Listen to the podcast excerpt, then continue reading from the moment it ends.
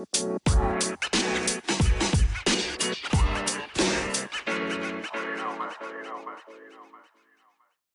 harte welkom bij weer een nieuwe aflevering van de Herstellen van Burnout podcast. Mijn naam is Evelien en vandaag wil ik het met je gaan hebben over reïntegreren.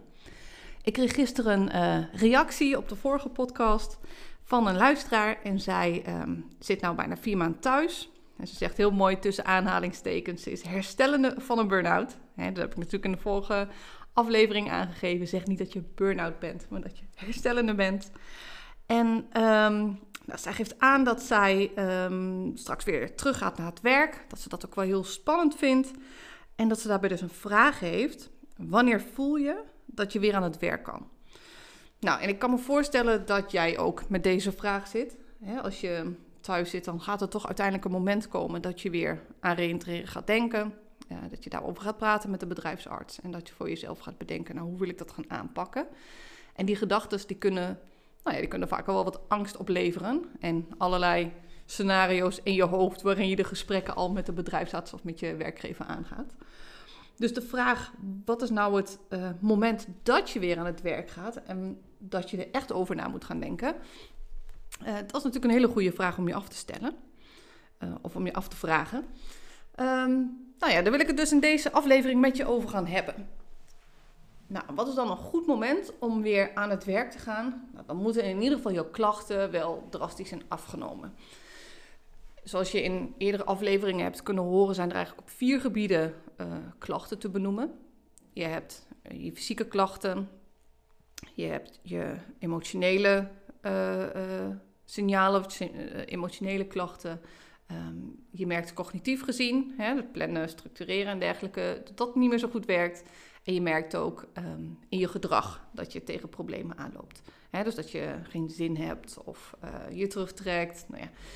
Op al die vier gebieden wil je eigenlijk dat, um, nou ja, dat je merkt dat het daarop beter gaat.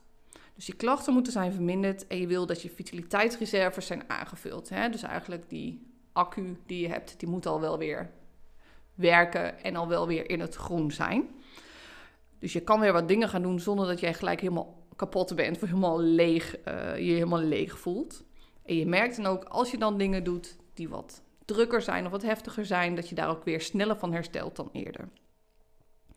Nou, nu is het wel gebruikelijk en normaal dat jij je een beetje gespannen voelt, hè, dat je er een beetje tegenop ziet om weer aan het werk te gaan. Maar ergens voel je dan ook wel dat je wel weer zin krijgt om iets te doen. Hè. Je wil je graag een bijdrage leveren, je hebt weer behoefte aan verbinding, om mensen te zien. Um, dus je zit soms een beetje zo in zo'n spagaat. Aan de ene kant vind je het heel spannend en ben je bang dat de druk te veel wordt opgevoerd, misschien vanuit werk. Uh, aan de andere kant heb je ook wel weer zin om dingen te gaan ondernemen. Nou, in de afgelopen periode heb je dan geleerd om nou ja, wat andere houding te hebben tegenover je werk. Waar je eerder vaak wat cynischer bent en denk, ja, zoek het allemaal maar uit. Merk je dat het nu wat meer genuanceerd is en dat je nou ja, iets positiever naar je werk kijkt. Um, je kan dus gaan reïntegreren wanneer je weer wat belastbaarder bent. Um, dat betekent niet dat je er al 100% bent. Dat betekent niet dat je al helemaal hersteld bent en dat je helemaal gezond bent. Um, het betekent dat jij, of dat het werk jou kan gaan helpen om te herstellen. want een goede dagindeling en een goede daginvulling zorgt er ook voor dat jij kan herstellen. Uh, je moet het weer een beetje gaan opbouwen. Um, dus wat is dan op het moment dat je werk kan gaan inzetten voor je herstel? Dat is eigenlijk wanneer je thuis al wat dingen aan kan. Ehm, wat we meestal binnen CSR-coaching zeggen, is dat je eerst thuis gaat droog zwemmen. Dat betekent dat je gaat proberen wat werk na te bootsen, ehm, wat je dus op je werk doet, ehm, dat je dat thuis eigenlijk gaat oefenen. Dus stel dat jij op je werk veel achter de computer zit, dan ga je thuis dus ook dingen achter de computer doen. En om te kijken hoe lang je dat aan kan, dan, ja, je moet daar een soort van nulpunt voor hebben. Dus je gaat bijvoorbeeld gewoon maar zitten. Je, gaat, je kan echt je werk gaan doen. Hè. Je kan mailtjes gaan bekijken of je uh, een beetje verdiepen in wat er allemaal gaande is. Je kan ook zeggen, nou, ik, uh, ik ga me bezighouden met een fotoboek of iets. Hè. Dat maakt, maakt in principe niet zo heel erg veel uit. Uh, maar je gaat eerst eens kijken hoe lang je het volhoudt. En stel dat je na twee uur heel erg hoofdpijn begint te krijgen of hoge spierspanning of merk nou, nu beginnen de klachten, dan is dat je, je punt van, nou oké, na twee uur um, is het eigenlijk al te veel. Dus dan ga je die keer erop, ga je korten. Dus dan zeg je van, nou dan uh, ga ik anderhalf uur. En als je dan probeer je een paar keer anderhalf uur achter de computer te zitten. En als je merkt dat dat gaat, dan kan je vanuit daar rustig gaan opbouwen. Um, nou ja, en dan is het wat ik dan met mijn eigen klanten vaak probeer, is dat ik zeg, nou probeer dan echt eens twee uur goed je werk te kunnen uh, doen thuis. Achter een laptop of hè, wat je dan ook doet. Um, voordat je het op het werk gaat doen. Vaak zie ik dat mensen eerst drie uur thuis dingen aan kunnen. Dus echt wel flink gewoon het huishouden kunnen draaien. Kinderen kunnen hè, aankunnen, de prikkels van de kinderen. Uh, en daarnaast nog één of twee uurtjes al iets voor het werk kunnen doen. Voordat ze echt naar hun werk toe gaan. Um, Kijk, koffie drinken en contact houden met werk is heel belangrijk. dat houdt de drempel laag en dat maakt dat het niet een heel verhaal in je hoofd gaat worden. Um, maar het echte werken, dat zou ik pas gaan opbouwen wanneer je thuis dus al wat aan kan. Um, dus eerst gaan droog zwemmen. Gewoon thuis. En kijk dus ja, of je vergelijkende uh, activiteiten kan vinden die je ook op je werk doet. Um, en als je dus merkt, nou, dit is voor mij de grens, dan ga je daaronder zitten en dat ga je eens een paar keer doen en dan ga je het rustig uitbouwen. En je moet het even een tijdje volhouden. Hè? Dan doe je een tijdje anderhalf uur. En dan ga je daarna uren drie kwartier. En dan bouw je dat stapsgewijs um, bouw je dat op. Want wat je wil is dat, dat het je ondersteunt in je herstel. En dus niet dat je een terugval door gaat krijgen. En dit is iets wat je heel mooi kan voorbereiden met de bedrijfsarts. Um, dat je gaat aangeven, nou ik ga dit, dit en dit thuis proberen. Is dat akkoord? Nou, en als de bedrijfsarts geen reden kan vinden waarom dat niet akkoord is, zal hij daar zeker uh, zal hij dat toejuichen. Um, en zo kan je met hem afspreken dat je het eerst thuis gaat doen en dat je daarna op het werk uh, afspraken gaat maken om te gaan reïntegreren.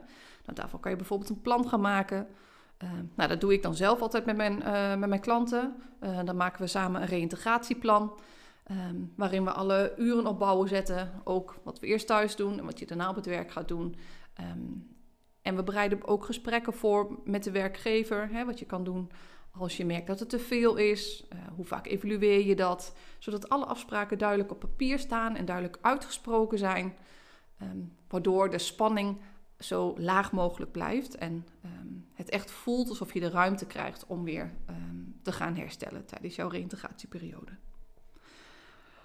Nou, ik hoop dat ik je zo ja, een beetje heb kunnen uitleggen en heb kunnen informeren over hoe dat reïntegratieproces uh, er een beetje uitziet.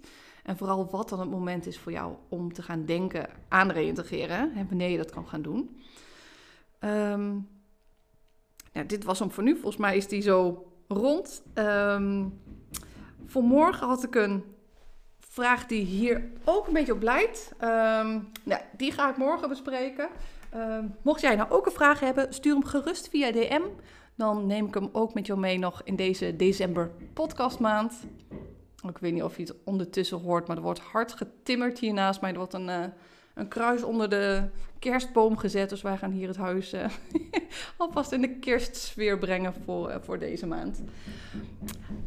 Mocht jij nog wat meer willen weten over herstellen van burn-out, um, je kan vrijdag nog aansluiten bij um, het webinar Herstellen van Burn-out. de link daarvoor staat in de show notes van de podcast in Spotify. Als je daarop klikt, dan kom je op het aanmeldformulier. Dan kan je je naam en je e-mailadres achterlaten. En dan krijg je e-mail de link. En dan kan je van uh, half tien tot half elf meedoen aankomende vrijdag 9 december. En dan leg ik je van alles uit hoe jouw stresssysteem werkt.